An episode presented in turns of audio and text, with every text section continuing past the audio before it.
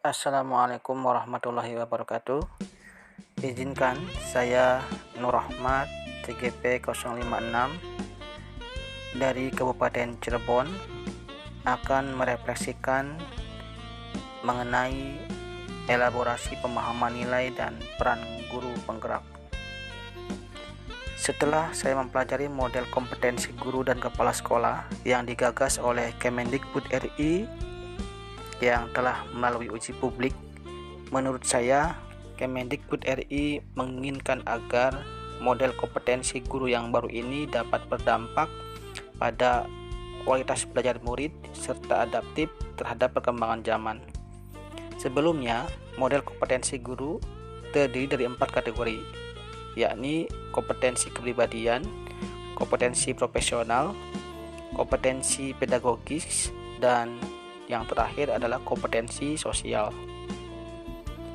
Kelemahan model kompetensi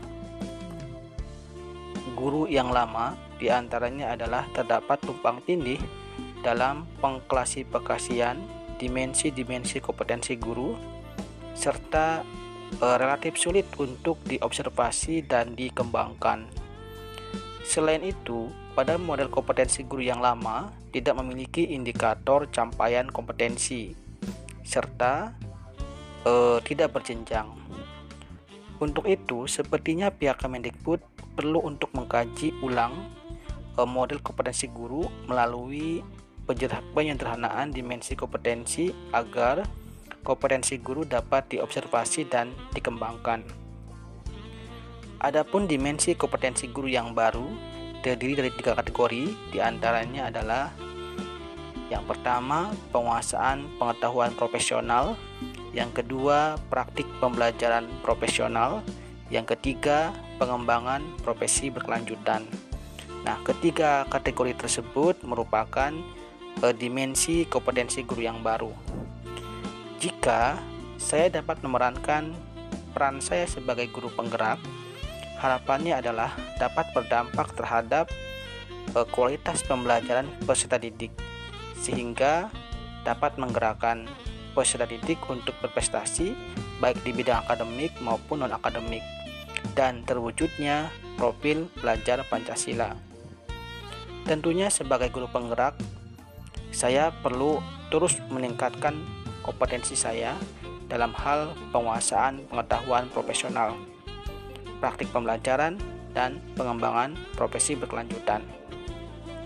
Seorang guru penggerak harus memiliki kemampuan dalam menganalisis struktur dan alur pengetahuan pembelajaran, mampu menjabarkan tahap penguasaan kompetensi murid, mampu menetapkan tujuan belajar sesuai kurikulum, perkembangan murid, dan profil belajar Indonesia, mampu mengembangkan lingkungan kelas yang nyaman dan aman bagi murid untuk belajar, mampu mendesain, memandu, dan merefleksikan proses belajar mengajar yang efektif, mampu melakukan asesmen, menyediakan umpan balik dan laporan belajar, piawai dalam melibatkan orang tua murid dan komunitas dalam proses belajar, mampu menunjukkan kebiasaan refleksi untuk pengembangan diri, mampu menunjukkan kematangan moral, emosi, dan spiritual untuk berperilaku sesuai kode etik, mampu menunjukkan praktik dan kebiasaan bekerja yang berorientasi pada anak, mampu melakukan kolaborasi dan pengembangan bersama, serta mampu mengembangkan karir melalui partisipasi aktif dalam organisasi profesi guru. Kekuatan yang saya miliki sepanjang mendalami modul 1.2 adalah saya sebagai guru senantiasa mengembangkan nilai-nilai kemandirian dan curiosity rasa ingin tahu sebagai model awal untuk inovatif serta melakukan refleksi kritis atas informasi baru yang saya dapatkan. Kekuatan rasa ingin tahu saya, curiosity terhadap sesuatu yang baru merupakan modal berharga untuk mencari dan mendesain model pembelajaran serta merefleksikan pembelajaran yang tepat bagi peserta didik dalam konteks kekinian sehingga peserta didik merasakan ada kaitan dan kedekatan antara dunia keseharian dengan konteks pembelajaran di kelas. Pengalaman belajar bermakna yang pernah saya berikan kepada peserta didik adalah pemanfaatan aplikasi pada smartphone, yaitu menggunakan aplikasi Gauss meter sebagai sensor keberadaan medan magnet pada kawat beralus listrik. Hal ini sengaja dilakukan karena di era sekarang penggunaan smartphone, uh, smartphone begitu masif.